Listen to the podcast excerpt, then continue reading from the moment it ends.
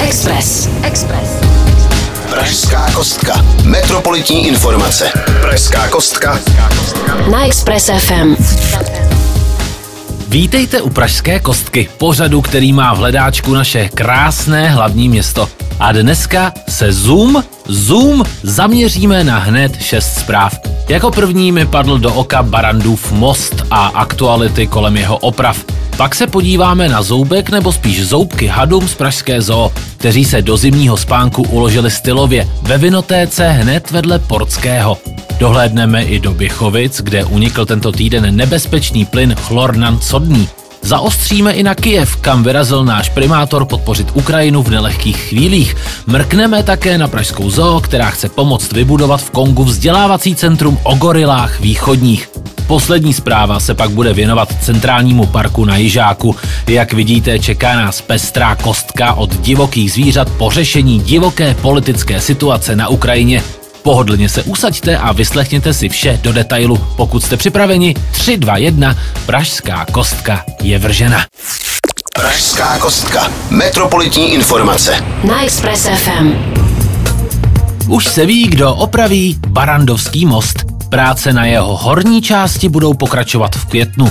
Soutěž o to, kdo opraví pomalu drolící se Barandovský most, vyhrála firma POR. Pravidla byla poprvé trochu jiná než dříve. Váha ceny a délka provedení byla poprvé úplně stejná, prostě 50-50. A vítězná firma získala zakázku, protože slíbila zkrátit letošní dopravní omezení z původně plánovaných 180 na 110 dní. To je pro nás 70 dnů plynulejšího provozu bez omezení a nedivím se, že jim díky tomu přistála zakázka v Klíně.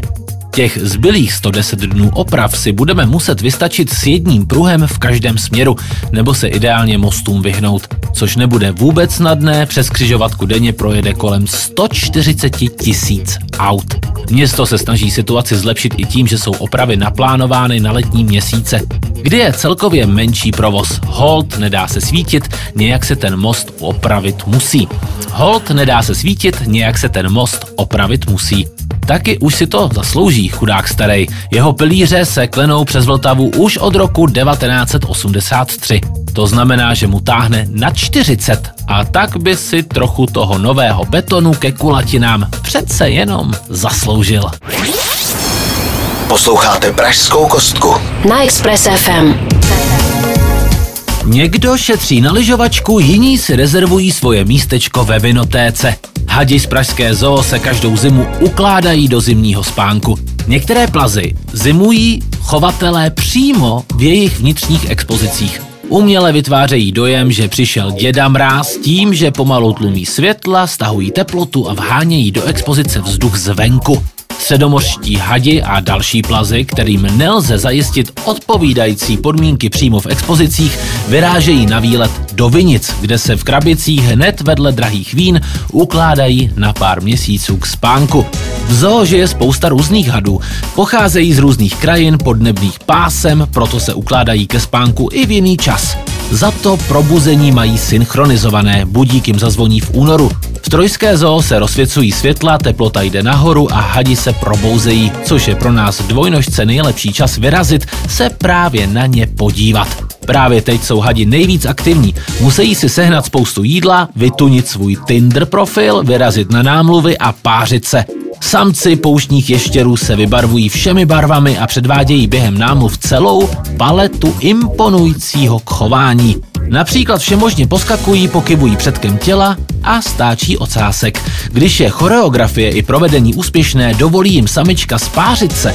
Takže ať už jste nadšený biolog nebo choreograf pátrající pomůze, Pražská zoo je place to be.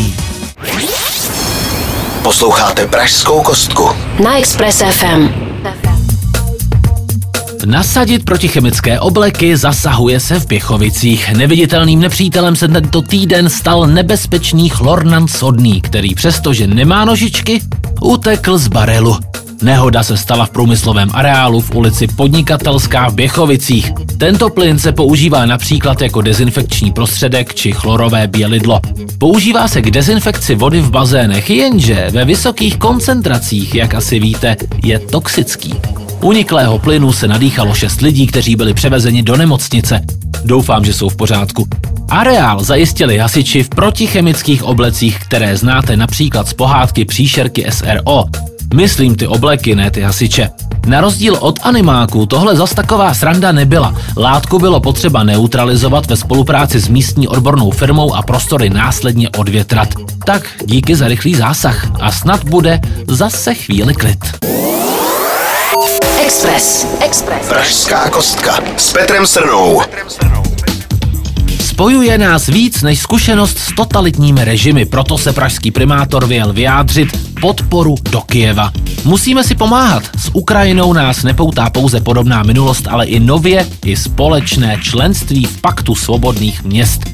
Pakt svobodných měst byl založen v roce 2019. U vzniku stály starostové Bratislavy, Budapešti, Varšavy a samozřejmě ti naši, praští. Cíl byl jasný, společně chránit a prosazovat demokratické hodnoty, lidská práva, zásady právního státu, svobodu slova, schromážďování a tisku. Zkrátka samé důležité a zásadní věci. No a teď, když Kijevu hrozí, že o svou svobodu přijde, je víc než vhodná chvíle je podpořit. Proto pan primátor odletěl v pondělí navštívit kijevskou radnici. Setkal se tam s tamním starostou Vitaliem Kličkem a primátorem Varšavy.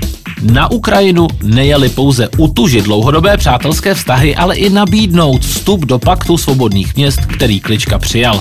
Tak bych řekl, že se výlet vydařil a teď šup zpátky do Prahy na naši hroudu, která je díky bohu daleko od Ruska. Posloucháte Pražskou kostku. Na Express FM. Pražská zoo chce postavit vzdělávací centrum. Nebude v Troji, ale v Kongu. Pražská zoo je samé překvapení, nejen, že předvádí obdivuhodnou práci přímo ve městě, teď se rozhodla vydat na pomoc východním gorilám, které žijí v Koňském národním parku Kahuzi Biega. Tento druh je velmi ohrožený a v žádné z evropských zoo ho neuvidíte. Ještě na přelomu století bylo v parku pětkrát více zvířat. Bohužel kvůli těžbě dřeva jim mizí přirozené prostředí přímo před očima. Situaci zhoršuje i fakt, že po občanské válce v oblasti působí řada ozbrojených milic a tím pádem i pašeráci. A jak se bojuje s pašeráky? Znalostmi. Právě proto Pražská zahrada hodlá iniciovat vznik vzdělávacího centra v parku. Má cílit na místní i turisty. Kromě vzdělávacího centra je v plánu vytvořit restauraci a dovybavit tamní techniku Gorilla FM Radio, které má dosah zhruba 2 miliony posluchačů. V plánu je také nakoupit fotopasti. Finance, které budou získány díky vyšší návštěvnosti, se pak mohou použít na boj proti pašerákům.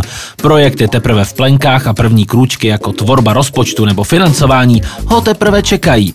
Tak držím palce, aby projekt svůj přerod v zbatolete v dospělou osobu zvládl s grácií a co nejméně bolestivou pubertou. Express. Express. Pražská kostka s Petrem Srnou. Kdo žije na jižním městě, ať dá ruku nahoru. No, tahle zpráva je totiž pro vás. Centrální park, který je mezi zastávkou metra Opatov a Háje, Park je v tuhle chvíli neúplný a nedokončený, takže nastal čas to změnit. V pondělí se rozhodlo o zadání tendru na úpravy s odhadovanou hodnotou 78 milionů korun. V této částce jsou započítány samotné práce, studie, projektová a inženýrská činnost a technický dozor. Park protnou nové cesty pro chodce a také cyklostezky. Na místě má vzniknout kavárna, včetně zázemí a WC. Pro odpolední čilování přibude grill a na nějaké ty kulturní nebo hudební akce tu bude altán.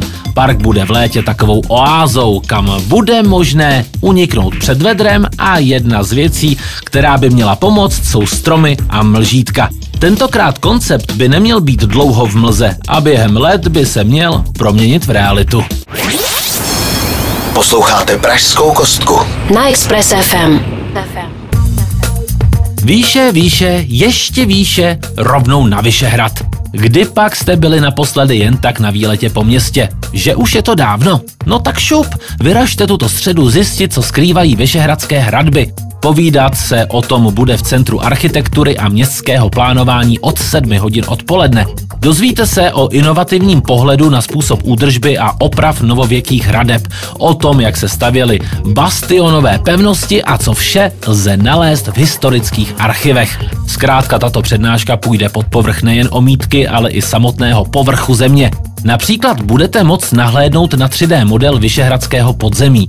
O tom všem vám bude vyprávět člověk nejpovolanější, ředitel Vyšehradu.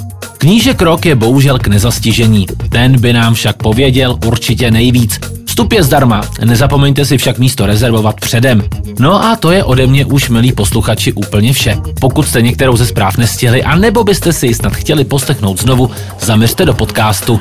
No a pro ty z vás, kteří se to každý den brousí po sociálních sítích, nezapomeňte ani na ty sociální sítě tohoto rádia.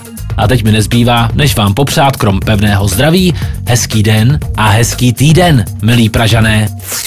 Pražská kostka. Metropolitní informace. Na Express FM.